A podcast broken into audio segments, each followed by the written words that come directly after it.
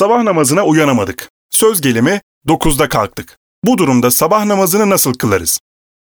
Değerli kardeşimiz, namazın farzlarından birisi de vaktinde kılmaktır. Bu bakımdan vaktinde kılınmayan namazlar kazaya kalmış olur. Namazı kazaya bırakmaksa insanı mesul eder.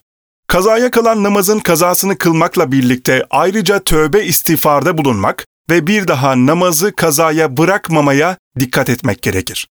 Sabah namazı vaktinden sonraki bir zamanda kılınırsa kaza edilir. O günün sabah namazı öğleye kadar kaza edildiği takdirde hem farzını hem de sünnetini kaza ederiz.